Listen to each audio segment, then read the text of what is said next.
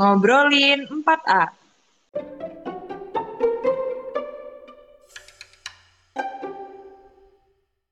Neneng, Ya. neneng.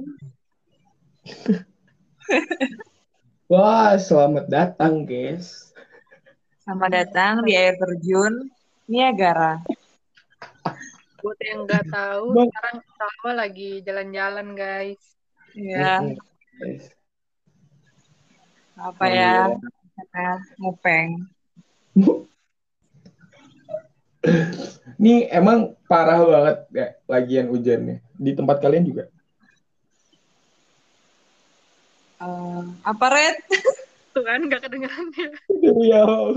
Gue nungguin gue Salwa jawab. Gue nungguin Salwa jawab, dalam hati gue, wah pasti dia nggak kedengeran nih. Bener lagi. Gue gue nyari headset dulu boleh nggak? Kalian ngomong dulu aja. Boleh, boleh. Boleh, boleh Jadi kan? hari ini kita bakalan bahas 4A ya. Gue berasa kayak lagi sidang lagi nih. Oh iya. Emang kemarin sih Oh iya, skripsi lo tentang 4A ya? Bener-bener bener. Iya. Ada di judulnya malah.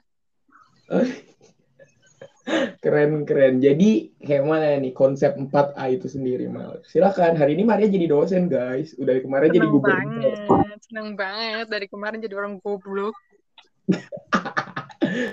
Saya bisa jadi dosen. Tapi masa kalian nggak ngerti nggak ngerti sih tentang 4A? Maksud gue kan ini gue ngambil topik ini karena topik ini gampang anjir. Kalau kemarin waktu kuliah, gua kan ikut Parwis tuh ab- lo di tahun kemarinnya gua habis itu. Nah itu gua agak ngerti, cuman nggak masuk masuk banget sih mar. Karena Hmm, lewat-lewat aja ya. Yo, i. Sama kayak topik-topik PWK lainnya di kuping gue aja sih. Lewatnya. tetap lewat ya bu. Iya. Jadi 4A nih. Kalau misalnya kemarin yang di TA gue sih 4A itu kan ya, eh, dia tuh salah satu teori untuk menentukan atau membagi komponen-komponen yang harus dimiliki sama pariwisata gitu. Kalau misalnya dia tuh 4A itu yang pertama attraction atau atraksi itu tuh kayak daya tariknya gitu loh. Misalnya eh, misalnya lu sebutin salah satu tempat wisata deh. Eh, enaknya tempat lo aja kali. Apa sih kemarin lo TA di mana? Muncak ya. Oh ya Muncak Muncak. Tirtayasa. Jadi Muncak Tirtayasa itu kan dia kayak spot foto sama tempat-tempat santai yang letaknya ada di atas gunung, terus pemandangannya tuh pegunungan sama eh, lautan pesisir Lampung kan. Nah, ya udah berarti dia atraksinya tuh kayak apaan sih gue ngomong apa? Atraksinya tuh dia si pegunungannya, lautannya, atau spot foto spot fotonya gitu, kayak data, daya tariknya. Terus yang kedua tuh ada accessibility atau aksesibilitasnya. Kalau kalau misalnya aksesibilitas tuh bisa berhubungan sama jalanan ke sananya, angkutan umum atau eh, sarana-sarana yang mendukung aksesnya gitu loh. Bisa juga rambu-rambu gitu-gitu. Hmm, hmm. Kalau misalnya kemarin ke Muncak sih dia jalanannya tuh eh, nilainya tuh termasuk nilai yang buruk karena memang kalau misalnya ke daerah pesawarannya jalannya udah bagus, tapi kalau misalnya naik ke atas tuh ya jalanan gunung yang masuk desa gitu loh, batu-batu nggak keurus gitu deh. Nah, habis itu yang ketiga tuh ada amenity atau amenitas atau bisa juga disebut dengan sarana pendukung gitu. Ini tuh bisa di luar dari infrastruktur yang transportasi tadi atau aksesibilitas ini tuh bisa kayak toilet umum, warung, tempat makan, tempat oleh-oleh gitu-gitu sih. Oke oke. Jadi kayak Lalu Trustnya gitu. Kayak sarpras pendukung kayak apa sih? Kan kalau misalkan eh yang tadi tuh kayak lebih ke jaringan-jaringan gitu-gitu nggak sih? Mm-mm. Nah, itu yang kemarin juga pas kita lagi studio proses yang kita di Seragi, kan Mhm. seben kan eh, ada tempat makan nih. Tempat makan itu dia masuknya ke eh, si amenitas ini. Tapi kita gobloknya naruhnya ini, rumah makan Padang. Kayak kenapa serinci itu ya untuk dipetakan makan Padang di Seragi. Harusnya Gitu. ya udah rumah makan aja gitu. Iya, tempat makan, rumah makan gitu. Gue baru tahu lagi. terakhir dikatain dibuka ya ya Pak Admin ya? waktu TP apa waktu semester semester awal kebuka nggak ya? Mm-mm. Baru ketahuan gobloknya. Habis itu lanjut. yang terakhir nih si eh, apa ya? Ancillary. Ini Ancillary. tuh kayak kelembagaannya gitu loh. Jadi kayak sebenarnya dia stakeholder stakeholdernya, nggak cuma si pemilik si pariwisatanya ini aja, tapi juga bisa pemerintah atau warga sekitar atau bahkan kita sebagai pengunjung gitu. Itu juga berperan aktif di situ. Tuh, gitu. Nah, pertanyaan gue pertama adalah, nih 4A itu dilakukan untuk ngelihat Jadi 4A ini tuh dibikin buat eh, sebenarnya lebih ngebagi komponen-komponen pariwisata itu supaya lebih gampang dalam pengembangannya sih, sama lebih gampang dimengerti. hmm, Ya gitu. dia Penamaan aja, berarti ma- masuknya ke supply demand ya? Bisa masuk ke mana aja sih topiknya sebenarnya ya. Oh, Kalau misalnya gue kemarin emang ngambil topiknya di supply demand-nya. Sebenarnya Hmm. sama aja kayak ini sih, Red. Kayak kita di perumah- perumahan dan permukiman kan ada peraturannya tuh SNI-nya untuk penyediaan infrastruktur perumahan. hmm, Nah, itu kan dibagi juga tuh kayak yang listrik, bla bla bla, beli beli Ya, beli, ya. gitu-gitu aja sih. Biar kita tahu standarnya gitu. oh, oke. Nah, kan tadi lo bilang kan di salah satu bagian tuh kayak penilaiannya jelek. Nah, untuk cara nilainya itu gimana? Itu semua 4A dinilai atau kayak mana? Ini beneran gue sidang ya? Iya. kan gue nggak tahu. Sebenarnya banyak metodenya sih ya. Kalau misalnya gua kemarin tuh metodenya pakai campuran. Jadi antara kita tanyain nih dari pariwisata dari wisatawannya, wisatawannya tuh kayak puas nggak sama ketersediaannya dan kita bandingin juga sama standar. Standarnya itu pakai standar yang eh, standar nasional Indonesia juga kayak kalau misalnya jalan tuh sebenarnya minimal berapa sih untuk wilayah ini. Kalau Hmm. misalnya eh, tempat parkir itu berapa sih kalau di wilayah ini? Tapi kalau misalnya untuk pariwisata sendiri emang belum kayak eh, tertulis dengan jelas gitu loh aturan-aturan ketersediaannya. Jadi kemarin kalau gue sih disamain pakai aturan perumahan aja. Nah iya, itu nggak tau sih, gue pernah pernah denger di seminar apa gitu ya, yang ngomong tuh juga dari orang Kementerian Hmm. Pariwisata gitu kan. Emang belum ada gitu kayak peraturan khusus atau gimana cara ngembangin si pariwisata-pariwisata yang istilahnya yang kayak topik Maria ini yang dia memanfaatkan view alami gitu kan, istilahnya potensi alam gitu.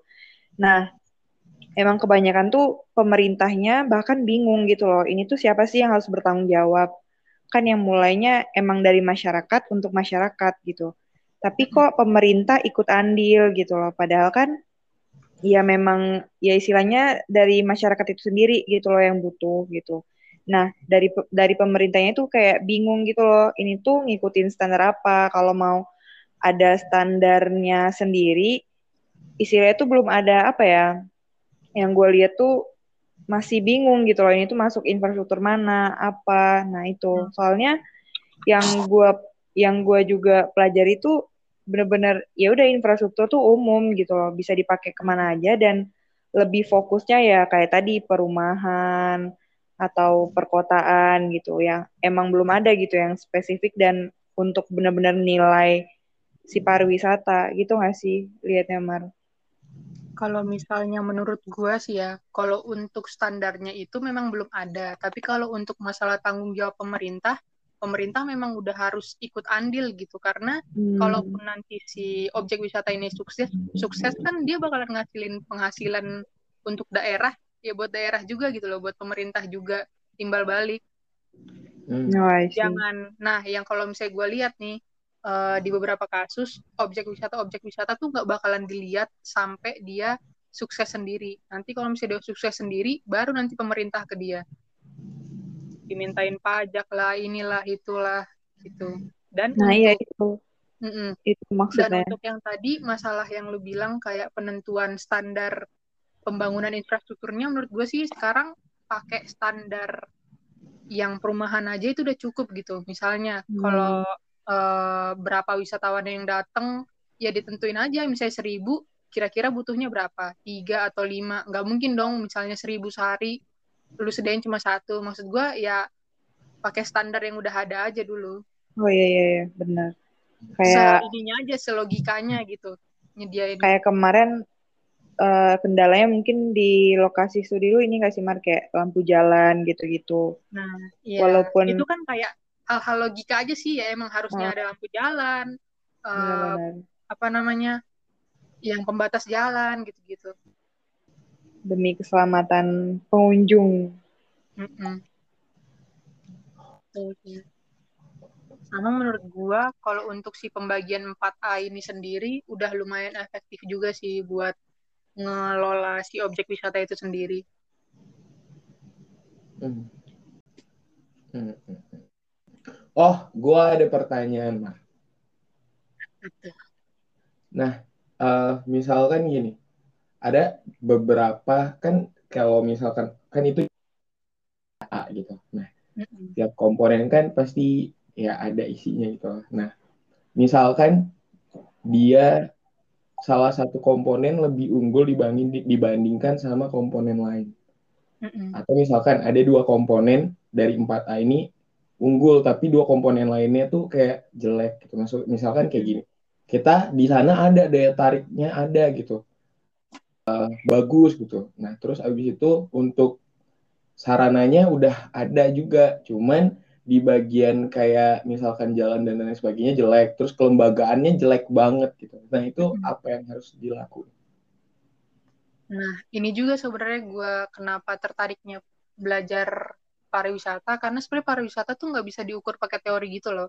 Lu pasti sering kan ngelihat objek wisata yang eh, ya udah dia cuma terkenal padahal dia terkenal sama pemandangannya gitu padahal dia letaknya udah jauh susah ke sana treknya susah nggak ada yang ngelola tapi tetap banyak yang ke sana Iya. gitu Nah, ya itu, jadi kayak itu sebenarnya tadi. pariwisata tuh nggak bisa ditebak juga sih mut-mutan sama tren gitu loh nah kalau misalnya yang tadi kayak lu masalahnya misalnya dia antara satu komponen aja yang tinggi satunya enggak sebenarnya pada dasarnya nih kenapa ada teori ini karena eh, di beberapa kasus dengan teori ini diterapkan misalnya keempatnya itu ber- eh, berjalan bersamaan tingginya sama tuh ya pada teorinya bakalan berhasil gitu terus Hmm. kalau misalnya kayak lu bilang misalnya ada salah satu atau eh, eh, dua tinggi dua rendah. Misalnya di kasus gua kemarin di TA gua kan ada beberapa nilai yang rendah juga.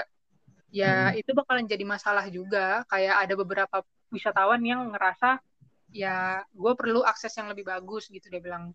Tapi ada juga yang bilang ya gue nggak perlu akses yang bagus lagi. Ini namanya wisata alam. Ngapain wisata alam? Jalannya bagus-bagus mending ke mall gitu katanya. Ya Hmm, benar. ya itu tadi selera-selera orang Jadi kayak lebih ke preferensi orang-orang gitu ya. iya preferensi orang ya itulah kadang gue ngerasa kayak pariwisata ini tuh kayak seni gitu loh gimana cara lo ngenilainya aja gitu Hmm, benar benar benar. karena kadang tuh misalnya lu punya wisata alam yang bagus banget tapi kalau misalnya udah dikelola abis-abisan kayak bener-bener infrastrukturnya tuh lengkap malah orang-orang Malah- yang beneran suka alam malah nggak suka Gak jadinya mau, iya. iya kan Apalagi malah jadi nggak eksklusif Jadi jatuhnya tergantung pasar juga nggak sih dia emang mau pasarnya ke mana gitu. iya gitu Nah. Oke oke. Ngerti sih ngerti. dan kebetulan kemarin tuh yang pemilik objek wisata untuk TA gue itu tuh orangnya eh, dia peduli sama infrastruktur tapi dia nggak yang kayak terlalu mau nge gimana ya kayak ngelo kayak maksain banget infrastrukturnya gitu loh. Kayak ya udah gue disediain jalan. Jalan yang cukup buat lo buat nyampe ke objek wisata gue gue Hmm, mampunya segitu tapi ya dia juga nggak mau terlalu di modernin banget gitu loh tempatnya. Benar-benar. gitu.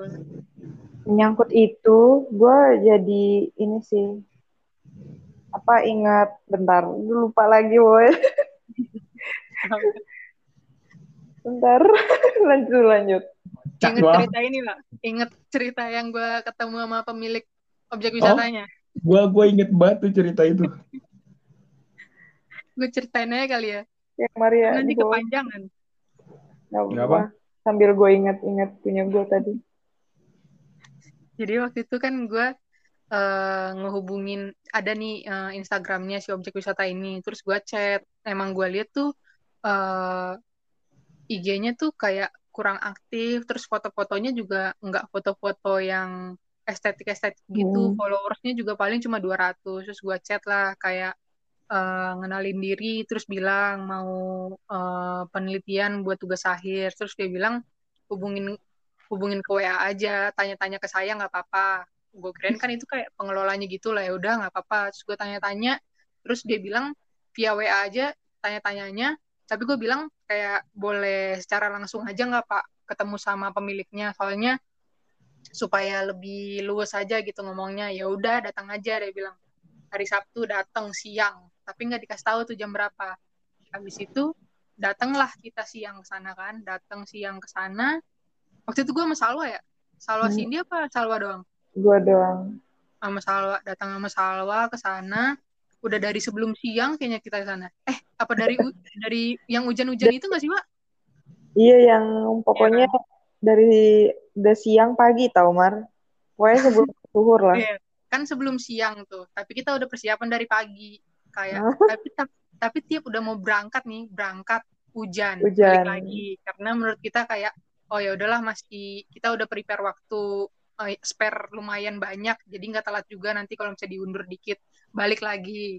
Neduh Balik bentar, panas. nggak hujan lagi ya, nggak hujan Balik lagi panas, berangkat lagi, hujan lagi terus, balik lagi, terus berangkat lagi, berangkat lagi, hujan lagi, beli donat dulu dah, beli donat, balik lagi, gitu mulu. Kayaknya ada empat kali kali ya, Pak, bolak-balik.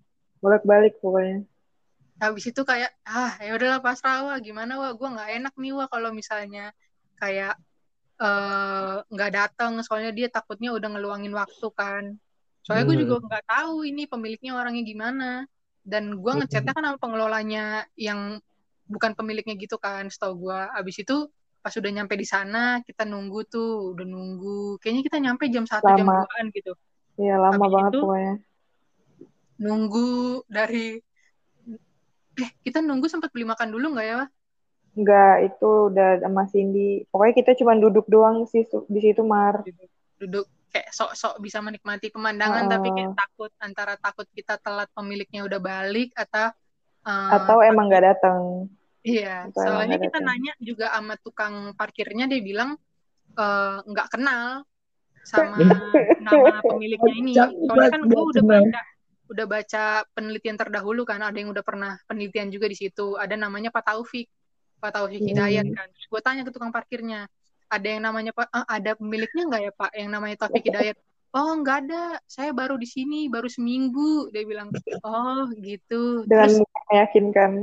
Iya meyakinkan soalnya ya ya udahlah gitulah ya udah akhirnya eh, kita nunggu nunggu nunggu nunggu terus udah kayak rada sore udah mulai rada gelap terus akhirnya gue bilang ke Salwa wah gue foto-foto dulu deh keliling-keliling eh, supaya dapat foto surveinya daripada nggak dapat apa-apa kan kita ke sini. Terus gue foto-foto eh, ada kayak petugasnya gitu kayak lagi ber- beres-beresin tanaman gitu-gitu. Buset rajin juga ya udah sore beres-beresin tanaman.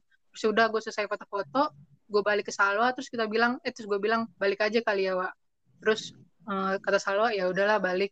Pas balik kita ngomong lagi ke yang tukang parkirnya kan ngomong ke tukang parkirnya Pak ada Oh, iya. nomor telepon nggak ya yang bisa dihubungin biar saya eh, hubungin Bapak aja dulu kalau misalnya ada pemiliknya nanti eh, tolong kabarin ya Pak dia bilang saya nggak punya HP gitu Tapi di belakang HP-nya ada di HP. belakang dia. Habis itu kayak aduh, tapi kayak gimana ya Wak? udah datang jauh-jauh dari pagi kena hujan datang ke sini nggak dapet apa-apa. Terus di situ ada warung kan, ada ibu-ibu sama bapak-bapak. Terus ya udahlah nanya lah buat terakhir kalinya gitu. Eh, karena si eh, tukang parkirnya bilang coba tanya di itu aja ibu yang di situ, siapa tahu tahu gitu kan. Terus Mm-mm. tanyalah kita ke ibu yang warung itu kan. Eh, ibu-ibunya lagi masak-masak terus ada bapak-bapak gitu yang ngurusin di kasirnya. Terus tanya-tanya, eh, kenalin diri lagi eh, di sini saya, nama saya ini mau penelitian bla bla bla bla soalnya tadi mau ketemu sama pemiliknya tapi kayaknya lagi nggak datang atau mungkin udah balik kitanya telat gitu. Terus dia bilang emangnya nyari siapa? Eh, kalau nggak salah sih namanya Pak Taufik Hidayat pak. Saya Taufik Hidayat. Gue gue kayak tercengang doang anjir. Sawah juga tercengang.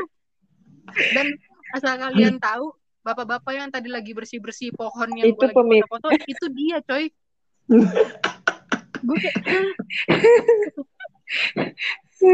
Terus Oh, yang gue yang gue lucunya tuh ya Mar, dia auto langsung pakai kemeja. iya dan lucunya tuh eh, kan dia tadi bajunya masih kotor kan gara-gara baru bersih-bersih sama beres-beresin objek wisatanya. Terus dia bilang ya udah tunggu aja dulu di atas kayak tempat nongkrongnya gitu. Terus dia kita tungguin kayak ada setengah jam juga ya pak. Setengah jam ini ngapain ya? Terus dia balik pakai kemeja rapi celana bahan sepatu. Mandi kali ya kita nungguin. Iya, mandi coy. Rambutnya dia langsung klimis, klimis gitu. Astaga. "Ya, saya sengaja katanya. Anjir. Ya gitulah guys. Jadi jangan ambil TA di situ. Enggak.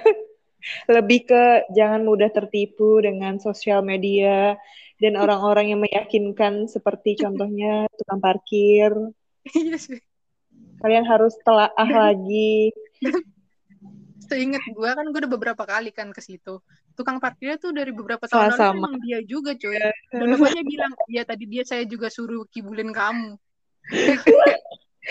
capek banget Terus eh, fun fact-nya lagi tau gak sih kayak bapaknya bilang gini, gak enak kalau ngerjain skripsi itu nggak dikerjain. Enggak, berat Iya. kata gue. Bapak tidak Sampai tahu. Susah. lu udah inget belum nggak pertanyaan Udah, lu udah, udah, udah ingat. apa nih Itu tadi kan si Reddy ngomongin akses ya. Jadi gue inget kayak, eh, terus lu bilang jalan juga kan Mar, sama infrastruktur yang di, yang dibenerin. Nah, gue jadi inget kayak gini, soalnya banyak tempat wisata yang istilahnya menawarkan view alami gitu ya. Iya. Eh, karena dijor-jorin suruh infrastruktur, infrastruktur, kita harus sama kayak tempat wisata lain. Jadinya tuh adalah jembatan cinta, lope-lope. Ngerti kan lo maksud gue? Tahu gua tahu gua. Nah, gue jadi mikir kayak apakah itu termasuk ya kan kita udah lihat daya tariknya segala macemnya tadi. Nah, apakah setelah diperbaiki kayak gitu nggak merubah nilai 4A-nya yang udah kita apa ya gitu? Maksud gue kayak berubah nggak sih jadi ke, jadi preferensi orang yang mau ke sana gitu loh yang awalnya kayak excited banget nge-share ayo dong ke sini bagus banget bla bla bla terus pas datang lagi kayak udah ada jembatan cinta taman pelangi gitu kan jadi gue kayak sebel gitu loh Males ya. Masa sama sih kayak yang lain gitu kan. Udah Iya. jauh-jauh, susah aksesnya anjrit gitu. itu Itu. pasti ngerubah sih apalagi yang di bagian atraksinya jadi kayak ya itu tadi apakah harus melihat ulang gitu kalau bagi yang ingin mengidentifikasi lagi apa kayak mana apa ya gitulah pokoknya maksud gue kan balik ke tempat wisata itu kan nggak punya standar yang gimana gimana itu kan seni gitu ya Mar. Cuman maksud gue kayak apakah semua seni orang tuh sama gitu loh? Ya nggak sih? Ya. Kalau menurut gua karena pariwisata ini kan juga termasuk sektor ekonomi juga ya karena dia kan juga termasuk bisnis gitu Hmm. ya kadang orang juga karena dia memang nyari uang dari si objek wisata ini ya harus ngikutin pasar dan memang kebanyakan iya, pasar sih. Indonesia kan yang gitu-gitu sih ibu-ibu aduh ya Allah sama jamet kudasi Ya, udah sih bikin video klip ya di sana Heeh. Bu Desi itu bikin video Iya. gue. Oke. ya gitu Terus uh, terus tapi kalau apa tapi nih? kalau- ngomongin apa istilahnya dukungan pemerintah gue nonton sih podcastnya Deddy Kobuzer sama Nadiem Makarim gitu ya. Kok Nadiem Makarim sih? Itu siapa namanya? Sandiaga Uno. Mm-mm. nah itu. Menurut gue kayak semangat dari kementeriannya udah cukup apa ya apalagi uh, zaman pandemi gini kan dia benar-benar mikirin kayak gimana caranya ngembangin UMKM gimana caranya ngembangin pariwisata lokal dan sebagainya gitu loh. Karena emang uh, balik ke pandemi mematikan itu ya mematikan ekonomi masyarakat gitu. Nah menurut gue usaha pemerintah terutama yang uh, masuk ke kategori ancillary tadi udah cukup kuat nggak sih? Tapi menurut lu nih Mar yang udah mengidentifikasi dokumennya gitu. Apa istilahnya tuh uh, apa benar kayak pariwisata pariwisata lokal yang mungkin dia tuh nggak teridentifikasi loh yang nggak dilihat orang tapi emang uh, dia menawarkan view yang bagus gitu. Atau emang banyak dicari orang tapi aksesnya nggak bagus uh, dan belum masuk ke pendataan pemerintah tadi gitu loh. Karena kan uh, eh, gue ngelihatnya kebijakan tuh nggak bisa asal omong kan, harus ada bukti fisiknya gitu loh. Nah itu gimana Mar? Menurut TA lu kemarin? Kalau misalnya kasusnya di pesawaran ya, kan kalau hmm. jadi tuh si objek wisata Muncak Teropong Laut ini kemarin yang tempat gue tempat gue TA tuh dia tuh sebenarnya udah ada beberapa perencanaan langsung yang dari provinsi sama sama kabupatennya. Tapi hmm. si pemiliknya sendiri aja dia nggak tahu kalau dia dikasih rencana itu sama pemerintah. Jadi oh. kayak yang lu bilang tadi, misalnya dari Kemenparekraf dia punya banyak program ke depannya untuk pariwisata. Dia namanya juga program rencana pasti kedengarannya bagus gitu, tapi nanti ke bawahnya kita nggak tahu gimana berapa hmm. persen yang hmm. terjalankan gitu. Sama aja kayak yang kita produk-produk perencanaan kita semuanya. Ya sih. Cuma ya itu memang tujuannya bagus dari atas.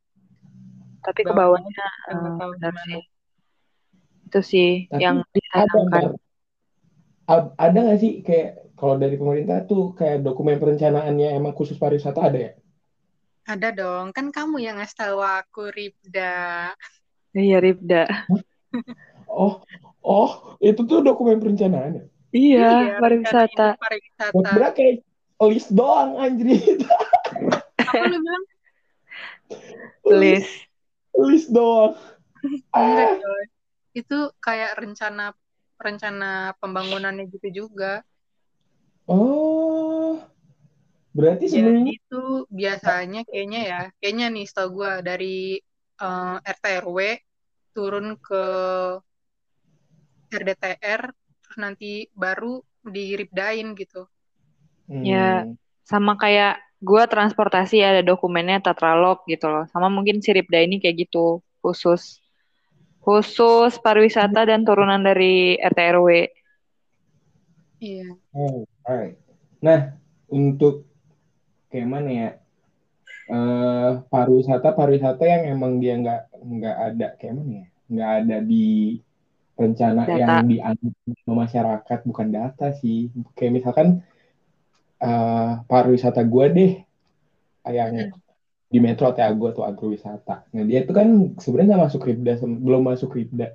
Dan dan emang kalau misalkan gua tanya dari yang pemiliknya sih, ya pemerintah belum nengok gitu karena ya itu hmm. tadi kata Maria gitu pemerintah tuh nengok kalau misalkan emang udah ada hasilnya tuh nengok dia. Iya. Cuman kan belum ada hmm. hasilnya hmm. kita tengok gitu kan. Pokoknya gitu. lehernya muter 360 derajat. nah, kayak gitu tuh apa ya? Uh, menurut lo ya, ini gue agak nyimpang dikit dari empat A. Menurut lo yang pariwisata yang tidak tidak ter identifikasi. Uh, yang yang nggak nggak di yang nggak masuk scanningnya pemerintah itu? Jahat bener loh. Mereka punya potensi wa sumpah. Mereka tuh punya potensi iya benar-benar. kayak nggak tahu gitu kenapa gitu nggak nggak di nggak dilirik malah kayak bahkan ya kayak pada saat pembukaan atau bahkan saat kayak misalkan ada kunjungan orang penting ke situ ya pemerintah itu ya.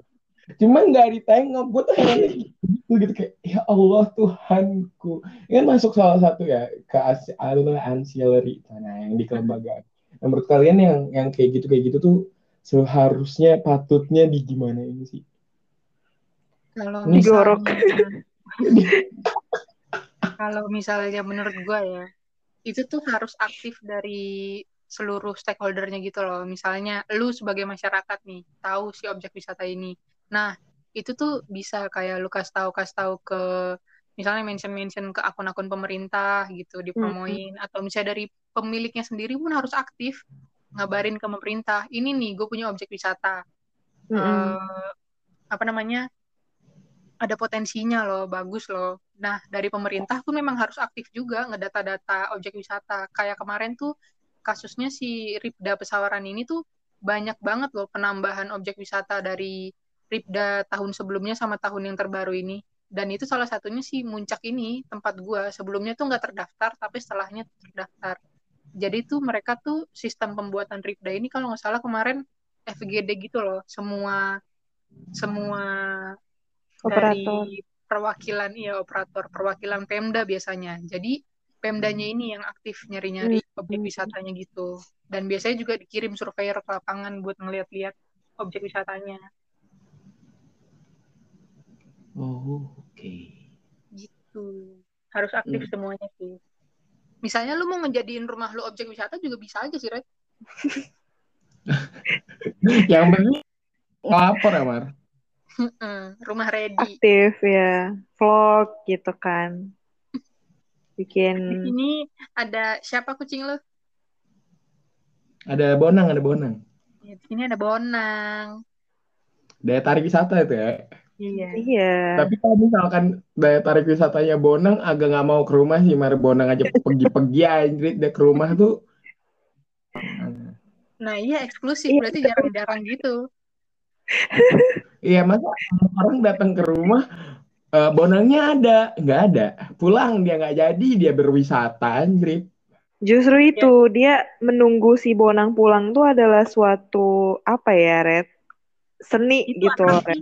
iya Ah, lalu ah, lu gitu di situ lu penginapan Red Terus abis nungguin Bonang Terus abis itu Bonang datang petetang petenteng bilang wow wow gitu minta makan ya. Iya.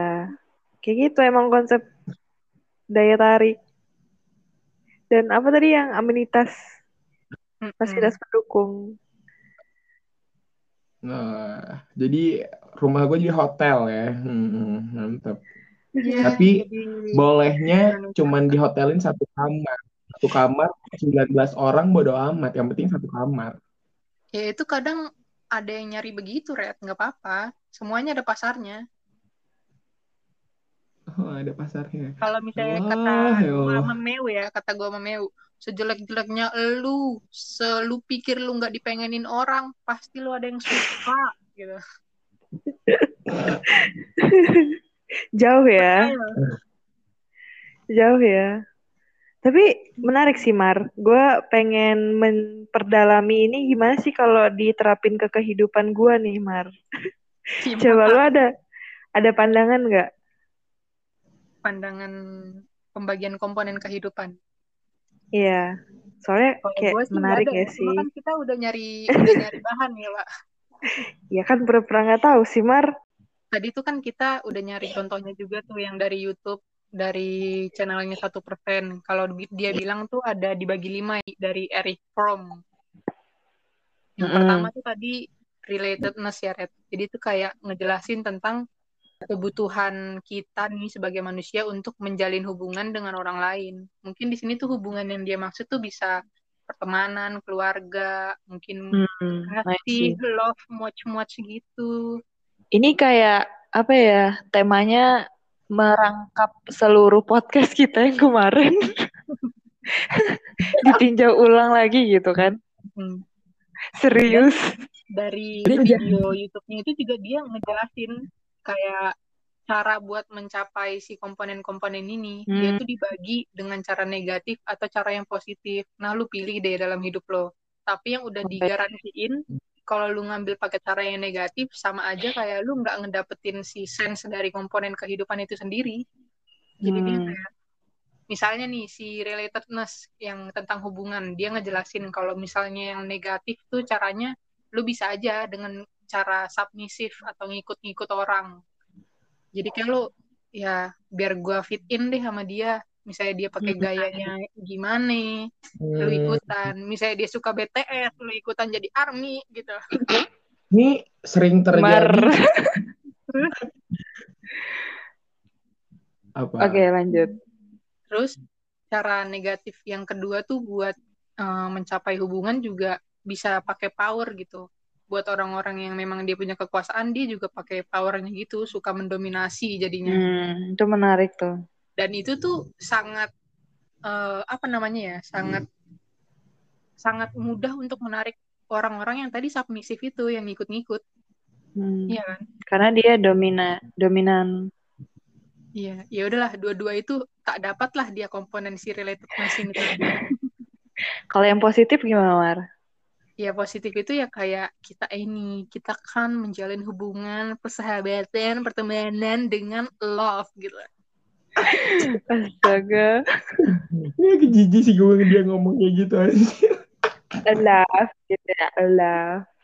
Nah, nah, kalau misalkan ini sering terjadi di kota-kota besar, anjay, enggak Sebenarnya sering Seperti Udah. metro, di metro. Metro tuh belum kota besar, tapi OTW lah ya. boleh lah, boleh lah. Tuh Bener. apa ya? eh kadang tuh orang, nih gue bahas yang submisif dulu ya. Kadang tuh orang kayak mau ngikut-ngikut gaya, style gaya, tidak sesuai sama budget.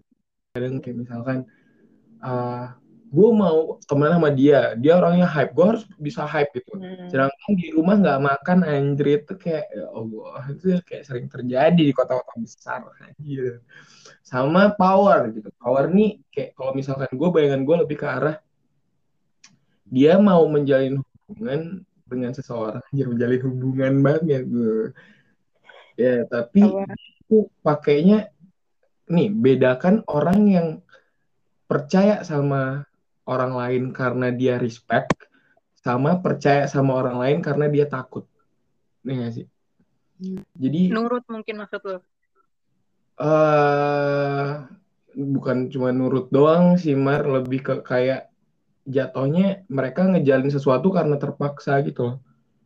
Hmm, oke. Karena paksaan gitu. Karena ya gue takut sama orang ini kalau misalkan gue nggak ngikutin maunya dia ntar kenapa gitu. Ya, karena dia Ini tuh dominan. Yang tadi kan. biasanya Dominan. biasanya kayak ini ya, cutting-cutting ngedeketin ada tingkat ada tingkat ya maba. Hmm, lo kayak gitu ya Mar? Eh, iya. Lu jadi kakak tingkatnya apa ada tingkatnya, Mar? Eh, pertama kalau jadi ada tingkatnya nggak mungkin. Jangan gitu lah, Mar. Nih kalau Iya. misalnya kalian sendiri gimana sekarang kalau buat ngedapetin si relatedness ini sendiri? Susah ya lu- rasanya. Pernah Ini- lu jadi orang yang submisif atau jadi orang yang pakai power atau emang lu dari dulu udah pakai love? Hmm, nah ini nih gue bingung nih karena apa ya? Gue melihat semua komponennya ya, komponen yang ada itu susah banget tau- tahu ternyata di apa kita terapin kayak di sehari-hari gitu. Kadang kadang kita apa ya eh mau deket sama orang pakai cara submisif. Kadang kita mau deket sama orang juga pakai cara power. Kadang juga kita mau deket sama orang pakai cara love. Indah. Jadi sebenarnya kalau menurut gue kita nggak bisa sih eh, hanya pakai satu cara. Paham nggak sih maksud gue? Tergantung keadaan gitu ya. Nah, tergantung keadaan kitanya juga gitu. Dan kawan lo satu ini kan kadang-kadang juga mukanya banyak ya, guys. Jadi ya kita pinter-pinter cari celah ke orangnya gitu kan. Karena nggak semua orang bisa dideketin pakai cinta juga loh. Paham nggak maksud gue? Enggak. Ya, lo Tapi, bayangin guys. Ah, Tapi masa lu maksud gua mendukung mendukung dengan cara submisif atau power sih karena beberapa kasus yang gue lihat atau bahkan di semua kasus yang gue lihat yang dia pakai Hmm. cara ngikut-ngikut atau pakai powernya ya nggak bakalan berhasil di ujungnya Red. Iya bener sih, cuman kayak mana ya? Ya gitu deh. Ya namanya juga penjilat ya. Iya. Harus pinter-pinter aja gitu. Kalau misalkan gini ya, gimana ya?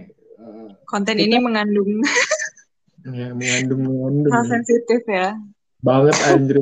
Jadi misalkan gini, kita kita bisa loh untuk apa ya merasakan jadi mereka kita pakai cara yang dua yang negatif. Karena apa?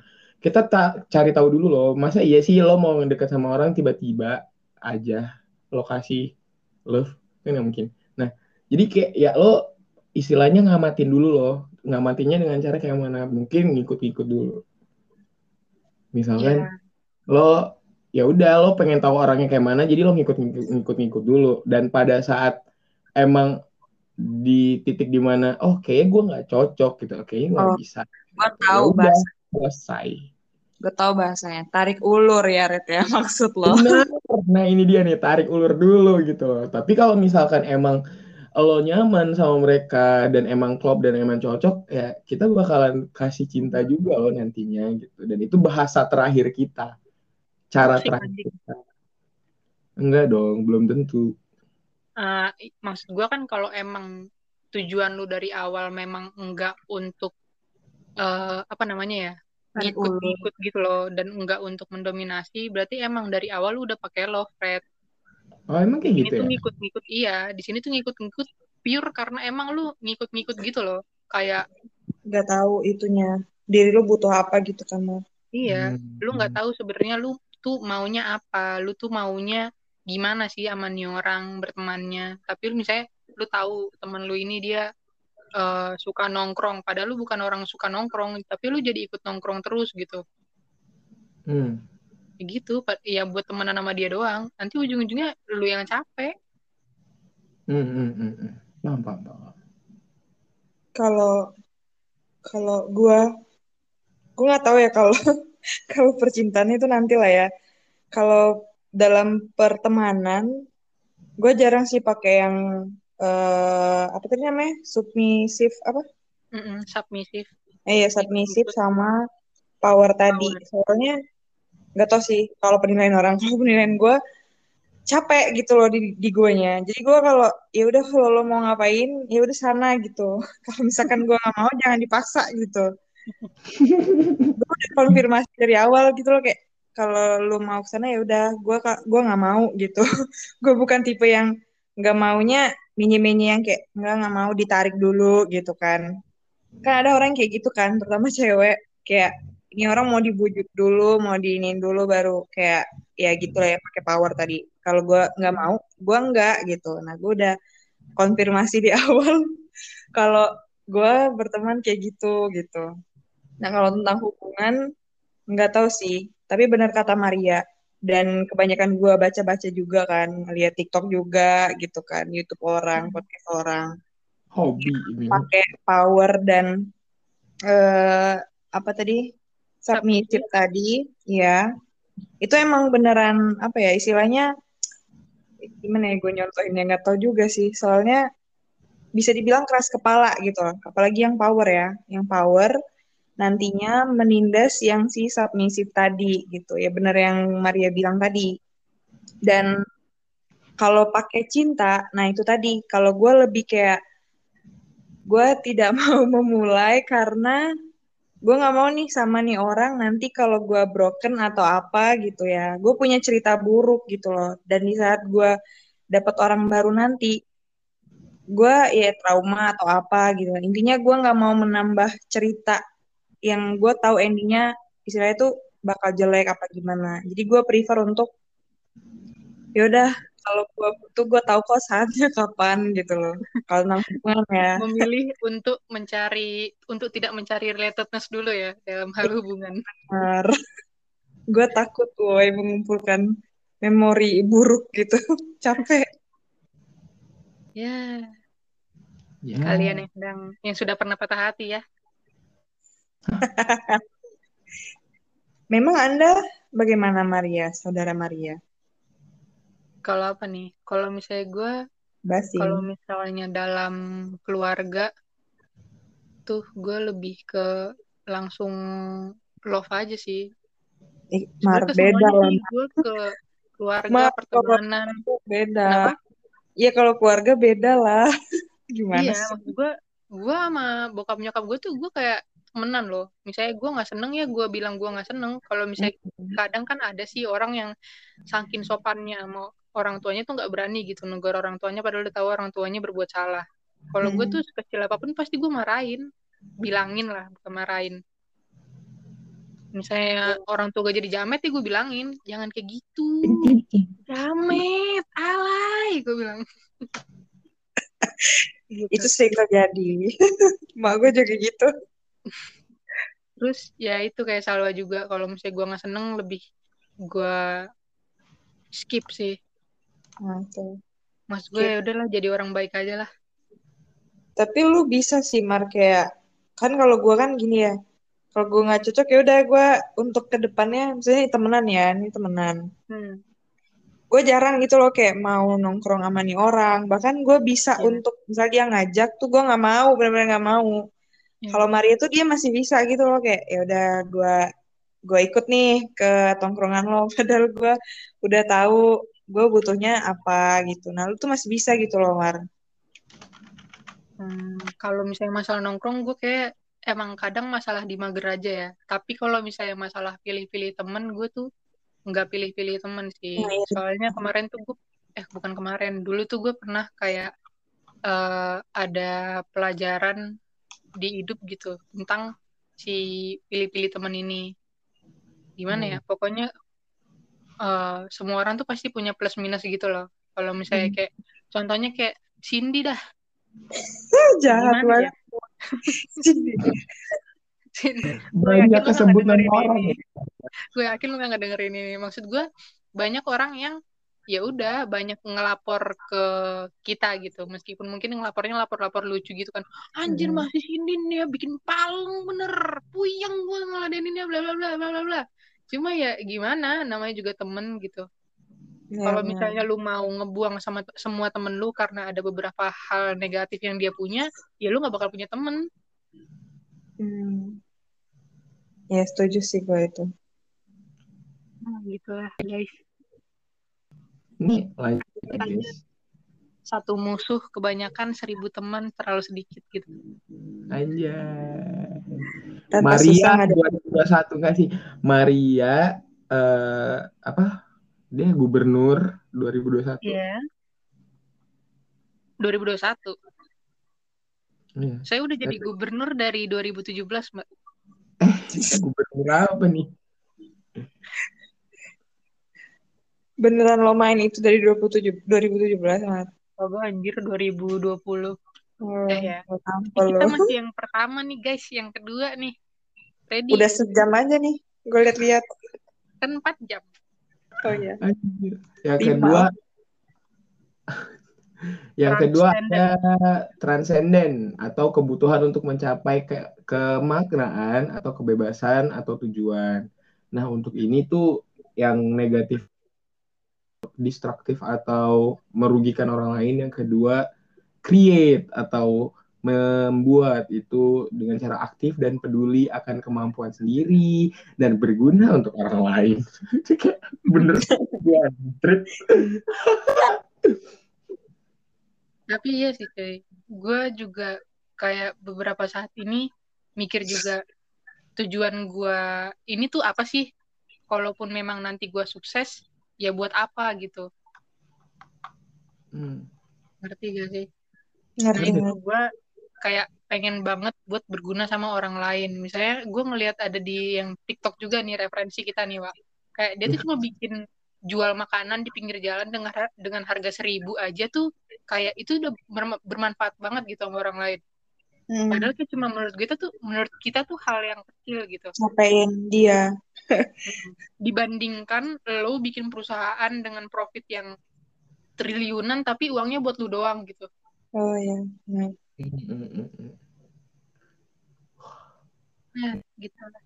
Ini luas banget sih bahasannya karena everybody has their own goals ya. Bebas Even- aja sih interpretasinya ya. Mm-mm, Nah. ini ini bebas sangat-sangat bebas sih. Cuman ya gitu sih cu- eh, gimana caranya ya kita jangan sampai lah at least kalau misalkan nggak bisa nguntungin orang lain jangan paham sih? Hmm. ya udah gitu. Kan this this your own business gitu loh. Ke- apa ya kayak kepentingan lu gitu. Jadinya ya lu jangan melibatkan orang terlalu jauh gitu. Apalagi untuk dirugikan ya kalau misalkan untuk disenangkan atau untuk untuk apa ya dibahagiakan mah gak apa-apa gitu cuman kan kalau misalkan kaitannya lo sama orang lain tapi nanti jatuhnya ngerugin orang lo banyak dosa anjir sumpah Iya sih. Tapi kalau ngomongin dosa ya itu urusan dia sama Tuhannya lah ya. Kalau gue lebih percaya kayak kalau niat lo udah untuk jatuhin bisnis orang gitu ya. is- Istilahnya dia bangun bisnis, lihat aja gue bakal lebih maju kok dari bisnis eh, tetangga gue gitu. Terus dia bikin cara-cara yang mengadopsi dari tetangganya, tapi dia pakai power tadi yang kita bahas di awal Mm-mm. kayak lebih memaksa dominan segala macam. Itu gue yakin gak tahu kenapa orang-orang yang kayak gitu pasti emang eh, bisnisnya cepat naik tapi hampa gitu loh. Kayak dia dapat uang cepat habis atau kayak Iya. dia dapat uang keluarganya yang nggak gimana, yang gitulah pokoknya pasti hukum alam tuh ada gitu Iya, loh. sumpah. Gue baru mau bilang hukum alam. Heeh. Gue nggak takut sih ya sama orang yang kayak gitu. Soalnya ini ya kalau dia cepat kaya ya udah lihat aja gitu loh, lihat aja. lihat aja bukan Bukannya doain. doain ya, tapi ya emang spirit itu ada anjir. Iya bener-bener Pelajaran. Yang gue ceritain depan TK hip hop. Masih TK. Gue minum dulu ya. ya kayak bener gitu loh. Ap- apa ya hukum alam berlaku anjir. Karma Israel anjir. Sumpah demi Allah yang kayak lo jahat sama orang sumpah demi Allah ya. Tuhan punya cara lebih bagus untuk ngebantu orang itu dan ngebuat lo nggak ada apa-apanya. Di mata itu kayak beneran banget anjir Iya.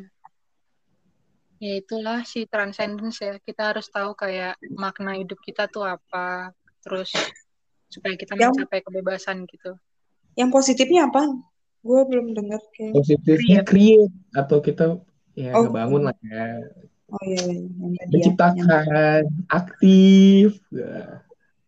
Terus Tapi- yang ketiga tuh Sabar, Ada. gue ya gue Mas. masih mau ngomongin kedua. Tapi nggak soal bisnis aja nih, gue ingin mengkonfirmasi dulu. Soalnya Hmm. apa pun ya, pun lo kayak pencapaian mau lulus atau apa ya, jangan ngerugiin atau ngejatuhin progres temen lo atau apa pun gitu. Ya Hmm. gue nggak tahu gue ngomongin ini berdasarkan pandangan gue aja ya. Misal nih urusan lulus-lulusan ya, kuliah lah gitu. Eh, apa pun cara lo untuk menjatuhkan atau membandingkan teman-teman lo, dan lo udah lulus duluan, duluan gitu. Gue yakin di lulus duluan lo itu pasti ada hukum alam yang entah gak tahu ya bukan doain entah eh, lo dapat kerjanya cepat tapi hampa atau apa. Nah maksud gue Hmm. kalau lo dap ada mindset itu di awal ya hati-hati gitu loh. gue ingin mengingatkan gue itu. tahu gue tahu nih permasalahannya kayak gue tahu Ya pokoknya ya, nama aja kenapa, Wak? Yang gue relate sekarang gitu kayak ya udah itu gue ingetin kepada para pendengar. Jangan jatuhkan orang intinya. Dah.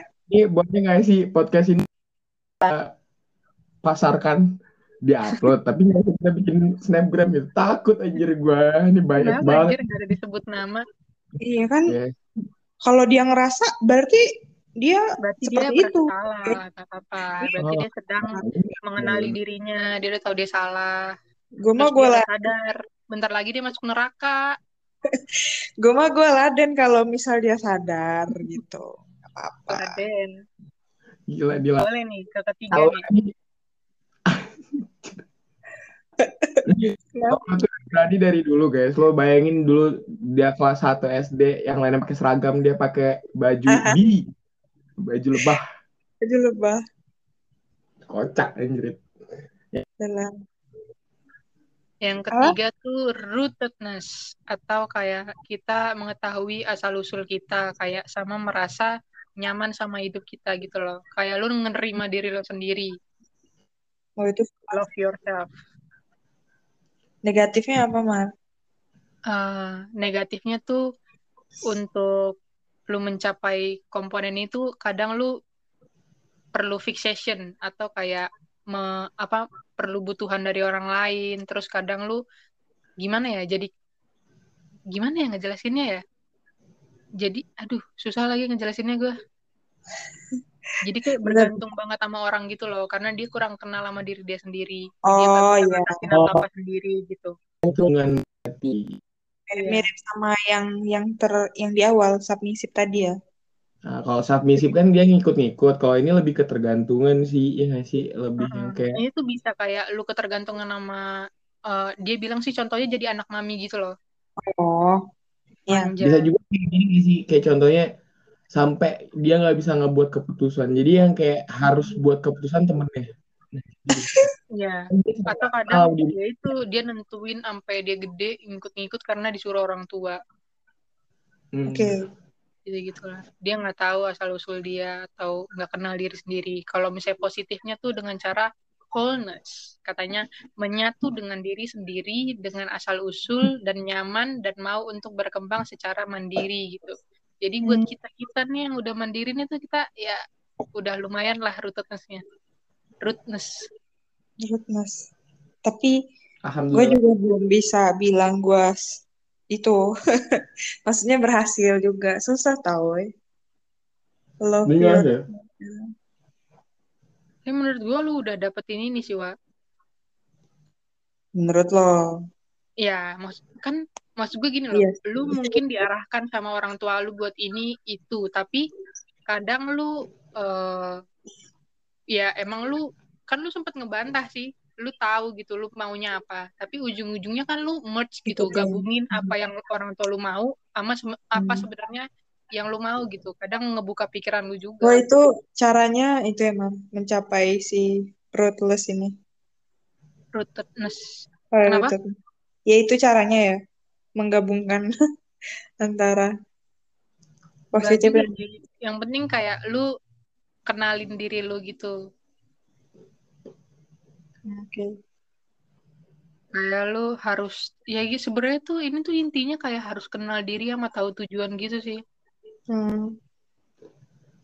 Balik lagi sih ya ke podcast-podcast sebelumnya itu udah lengkap banget kita bahas. Tapi soal soal ini tuh ini juga sih relate juga sama orang-orang yang lagi KLC atau quarter life crisis Atau kita, kita. maksudnya kita. Kita.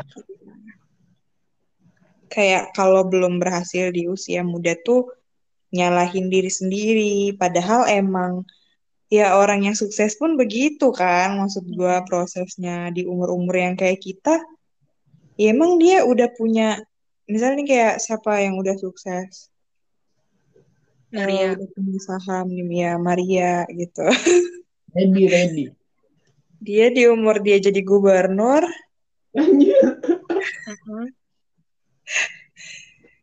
Pasti kan dia melewati tahap-tahap yang sulit, kayak Iya. diajak orang berperang, atau dia harus bingung nih mempercayai kubu mana gitu kan, Mm. sebelum dia menjadi gubernur. Jadi kan nggak bisa kita nilai lewat keberhasilan doang, gitu loh guys. Hmm. Yang keempat nih, ada sense of identify. Identity. Itu identity. Gue bacanya, Sense aduh, identity. ya Allah Tuhan. Apa, tadi Mar? Red, gak denger gue. Sense Sense of of- identity. Jadi Oh, kayak sen. lu harus Hmm. punya identitas, harus punya keakuan gitu. Aku Arahnya, arahnya jangan ke mana? ikut-ikut gitu. Kalau misalnya negatifnya tuh untuk mencapainya, lu eh, mengikat diri dengan kelompok atau orang yang lebih kuat itu tadi kali. Sebenarnya ini Oh. lebih ke submisifnya gitu loh. Hmm, Nah, kalau misalnya positifnya tuh harus indi harus ada indi individuality-nya gitu. Jadi lu harus bisa ngembangin diri lu sendiri gitu. oke. Sebenarnya itu lagi intinya mengenal diri sendiri gitu. Capek ya, mengenal diri sendiri. Itu. Tapi ya sih kayak, lu jangan jangan deh buat orang-orang yang mungkin eh, tertarik atau lagi terjebak ke dalam suatu kelompok yang lu masuk karena menurut lu itu keren atau lu masuk karena eh, gimana ya tuntutan pergaulan gitu mending gak usah dah buang-buang waktu gitu Tapi gue ada pengen sharing dikit ya tentang ini. Soalnya Hmm. gue sebel ya orang kan melihatnya dari sosial media doang. Ya kayak gitu juga kita ngeliat orang sih ya. Yang bagus-bagusnya doang. Padahal apalah yang gue tampilin di sosmed maksud gue. Gak jelas anjir. Nah, jadi ada beberapa orang yang kayak sering gitu loh nanyain gue. eh bermula dari dia replay replay story gue kan kayak gue udah tahu nih arahnya ke mana cuman gue kayak mencoba menjadi manusia baik gitu. Untuk balas eh, atau respon dia gitu kan. Jadi nanya kayak enak ya wa S2 katanya gitu. Gimana sih rasanya? Keren tau kayak eh, abis lulus langsung S2 gini-gini. Eh, aku mau kayak gitu. Terus ngomong ke orang-orang tuh kayak gue dijadiin role model dia pengen ngikut jalan gue gitu loh. Gue bukan yang nggak senang cuman maksudnya kalau too much dan jadinya orang kayak ngelihat ngapain sih lo ngikutin hidup orang yang ya pokoknya inti, intinya kayak gitu lah ngerti lah kan kalian. Dan Mhm. ya gue riset tuh berkali-kali gitu loh diomongin ke orang dan sampai gue dengernya tuh dari orang lain itu yang dia ngomong om- yang dia ngomong-ngomongin itu kan. Maksudnya kayak gue pengen ikutin Salwa gue pengen kayak gini kayak gitu kayak gitulah pokoknya. Terus gue kayak dia pengen jadi yatim Gue gampang makanya. mungkin bisa jadi mar. Hmm. ya gue tahu mungkin orangnya nggak bakalan denger sih ya jadi gue ya udah lah cerita aja. Lo harus denger dong katanya role model. Masa gak Gue dengerin podcast ngobrolin? Gue risih banget sumpah kayak apa pun gerak gerik gue apa pun yang gue tampilin gitu loh di sosmed terus dia kayak tapi Gua lu pengen dia berusaha ke situ gak nggak ya Jauh. itu mah kata menurut itu. gua apa ya? Tapi Ya, gue risih gimana? nama gue sebagai yang dia percontohkan gitu loh. Sebenarnya menurut gua lu bakalan risihnya ngurang kalau misalnya lu lihat dia berprogres dah. Iya benar ya itu mar kalau misalnya dia cuma gitu-gitu doang jadi geli lah anjir. Geli. Gue kayak mau bikin gue pengen ngobrol sama si Salwa sama si B ya gitu. Kayak gimana Hmm. sih kehidupan jadi uh, mahasiswa S2 dan sambil kerja gitu kan. Aduh ya Allah maaf ya berdosa banget gue ngomong itu tapi gue gemes. Bilang aja Iya. gini pak lu nggak bakal bisa. Biar dia diem. Biar diem. Masalahnya soalnya enggak ya gitu terus gue kayak mengingat ini kan yang keempat ini terus orang-orang yang apa tadi sub submisif tadi gitu kan gue kayak keinget hmm. susah juga ya jadi orang-orang begini. Capek gak sih hidupnya gitu loh? Naruh standar orang di kasihan sebenarnya tuh lebih ke kasihan tau. Buat standar kamu yang mungkin kamu dengerin percayalah kamu punya jalan sendiri geng di hidup gue kamu. kirim gue kirim gak sih linknya nanti? Selalu dengerin. Iya boleh. Boleh. karena buat jadi salwa pun ya banyak jalannya. Lu beneran mau ngikutin jalannya salwa ya harus jadi yatim dulu ya Red ya yatim dulu dong yatim dulu dong Ya Allah. anjir berat banget Emang Ya gitu. salah. Yatim dong. Anjir. kalau dari sisi gue gue gemes sama orang-orang yang kayak gitu kayak ya lo tuh cuma lihat dari sosmed gitu loh dari sosmed gitu ya masa gue mau gimana pun resep orang tuh pasti beda-beda anjir Hmm, kayak lu bikin makanan aja dengan resep yang sama belum tentu rasanya persis dah Sama, eh, Mbak lama. Bener, anjir. Kok jadi lama sih kamu? sempet ya masak beda rasa ya pun cuma goreng telur ya iya pun cuma goreng telur dah di panci yang sama ya Mar ya di Beda. api yang sama Dengan sendok garam yang sama, itu beda, guys. Iya beda guys Iya. rasa Rasa tangannya soalnya beda. Mm-mm. keringet di tangannya tuh berapa Hmm. banyak kan beda Hmm, itu dia. Hmm. yang kelima yang kelima nih masuk nih sebenarnya sama lagi sih nih apalagi intinya itu itu lagi frame of orientation atau kebutuhan akan pandangan hidup yang jelas kalau misalnya negatifnya tuh lu irrational goals kayak lu tuh nggak punya pencapaian atau tujuan yang jelas yang positifnya lu rasional gitu punya tujuan yang jelas jelas di sini tuh tapi dia bikinnya tuh beneran jelas gitu loh Wak.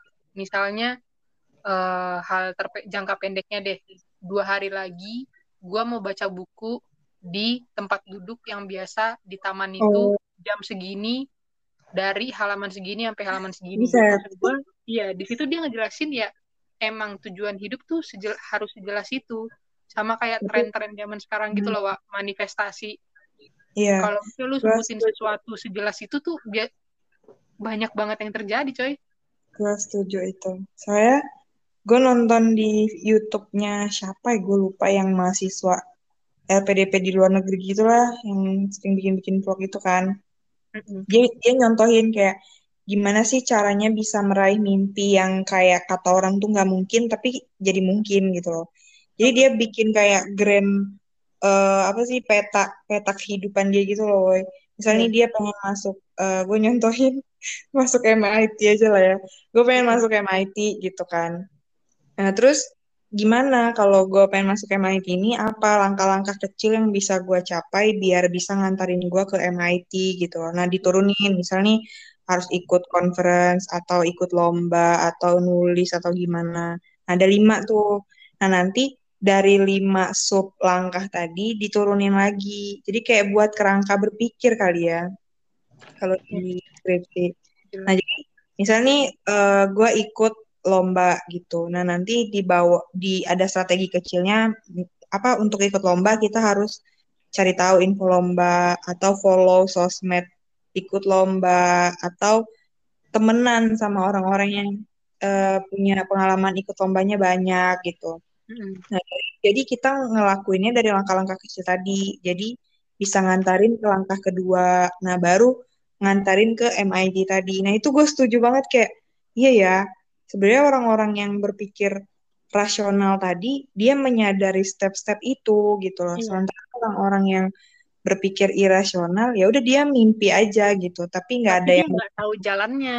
Ah, bener-bener yang dia lakuin tuh dia nggak tahu gitu. Nah, itu gue setuju Kadang- kadang malah jadi kayak buang-buang waktu karena eh, jalan yang lu pilih nggak sesuai sama tujuan yang pengen lu capai gitu. Bener-bener. ya itulah. Jadi concern gue sekarang juga itu sih. Gue lagi pengen nentuin banget tujuan gue sebenarnya apa gitu Yuk Mar bikin map gitu ya. tapi itu Dan- mungkin karena gue terlalu hidupnya terlalu kayak enjoy banget gitu jadi kayak belum terlalu belum terlalu gimana ya 100% tujuannya gitu loh mau gimana karena gimana Hmm. aja jadi Gua kayak Maria, tapi kok sekarang malah jadi nggak nggak jadi apa-apa gitu Itu kayaknya gua sama Maria belum bisa nih ke step kelima ini belum bisa. Mohon maaf nih. Akan bisa sih. Ini nggak sih? Nggak boleh bilang apa nggak bisa. kita apa kita submisif aja nih ke Salwa Red kita ke MIT aja Red Sebenernya boleh. Nggak mau, ntar gua nggak bisa ngerjain apa-apa. Kalau bilang, bisa lah kalau bilang mau itu Mar. Ayo lah Mar. Tapi jangan langsung juga Mar. Cap- Capek gue Mar Udah di TB gila gue. bisa bisa bisa MIT itu apa ya? masa suset Susah banget lagi nyebutnya. Institute of Technology Kayak Jadi kampus kampus itu red khusus teknologi gitu terbaik satu dunia katanya. dunia? Kayak bukan satu dunia sih Mar lebih kayak khusus yang teknologi gitu-gitu. Iya, kayak istilahnya bagusan Itera lah bagusan Itera ya ITERA gitu terkenal teknologi gitu loh. Itera nih bos repet dong Tapi anjir pas jamet ya udah lulus, pas udah lulus keren banget lagi itunya kebun raya. Gue lihat foto ready. ready lihat foto gua. Itu yang sama Tiara Empeni loh. Kan Hmm, gue tonjok lu. itu ini apa labirin. Iya kak. Terus gue lihat apa lagi? Pokoknya SG SG Tiara lah. Motoin itu Itera. Mm-mm. Tapi kampus akan lebih bagus setelah ditinggal sih itu benar. Malu. Gitu tuh. Ya lu kampus lu aja lu tinggalin tiga bulan tiba-tiba udah pindah tempat nanti Ke mana? ke mana ya ke Lampung Timur misalnya. Anjir. Tiara kan suka-suka hati. Oke. Suka. Ya itulah guys sudah kelima komponen kehidupan yang sebenarnya intinya itu itu lagi aja. Tapi itu itu Mhm. lagi aja susah ya. Ini kalau kata gue emang susah sih kayak mana ya. Sebenarnya tuh kalau misalkan dilihat ya, lima hal itu adalah lima hal simple. Hanya saja untuk menjalankan ke arah sana itu loh bun yang wah Karena biasanya yang simpel itulah Red yang sebenarnya Ya. sulit. ya, ya itu tuh kayak Karena kalau lo nggak ngikutin orang lain aja, lo punya tujuan lo sendiri, lo nggak nyusahin orang aja. Nah sesimpel itu tapi susah. tapi ada errornya ini kayak dia takut diri dia gagal itu sih kalau menurut gua penyebab Hmm. pertama. Kalau gagal tuh nggak apa-apa coy. Malah gue tuh pengen banget kagak. Jadi lo belum pernah gagal, Mar. Ya maksud gue udah pernah. Maksud gue tapi kalau misalnya dalam perjalanan gue gue gagal ya gue nggak apa-apa.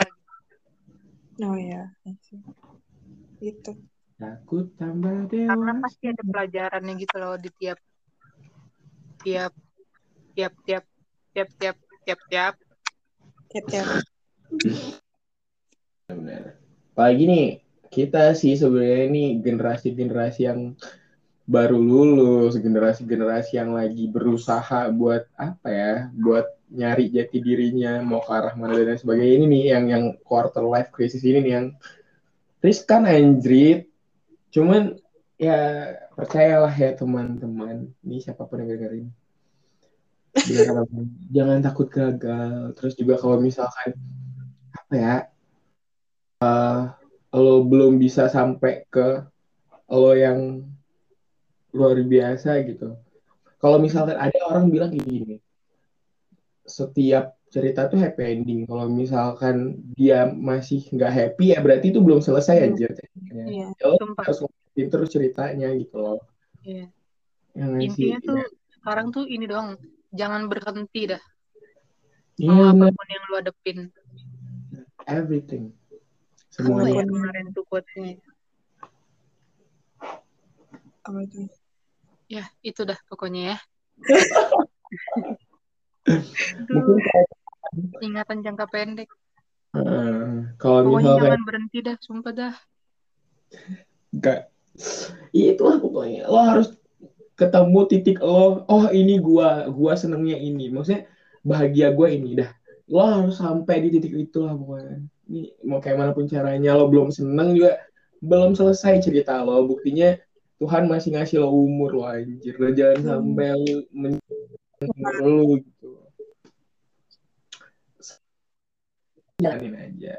Mana nggak ada yang tahu anjir ke depannya. Even satu detik pun itu nggak ada yang tahu ke depannya kayak mana mungkin kalau misalkan yang sesi ini atau materi ini kayak nggak ada kesimpulan ya lebih karena Lebih dari kita jadi mikir ya, tiga-tiganya kita mikir. iya benar. Refleksi ke diri sendiri.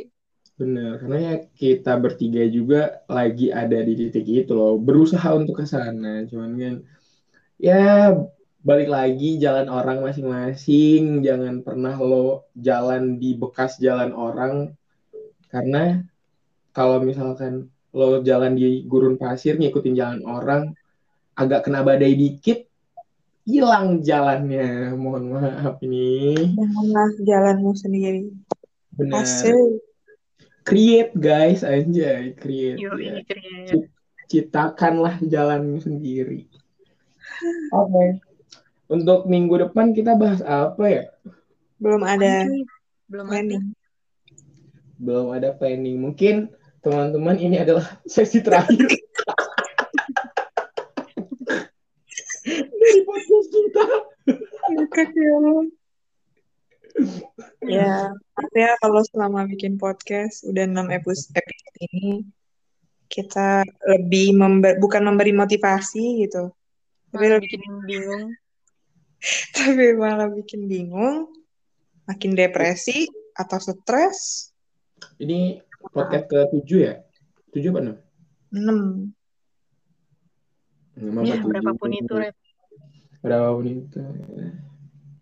Oke, kita tunggu aja ya podcast minggu depan. Nggak tahu kita mau bahas apa. Kita pikirin dulu seminggu. Berarti kita bakal bakalan take podcast lagi tahun depan lah. Oh iya, Gitu lah, kira-kira lah ya. Happy New Hmm. Year. Nih, Ih, Kalau- coy, bentar lagi, coy. Teman-teman yang merayakan Happy New Year juga. Buat teman-teman yang merayakan. Buat teman-teman yang merayakan. ya, ntar lagi ya. Mm-mm. Mungkin sekian dulu podcast kita untuk minggu ini. Sampai ketemu di podcast minggu depan. Bye-bye. 拜拜。叮叮叮。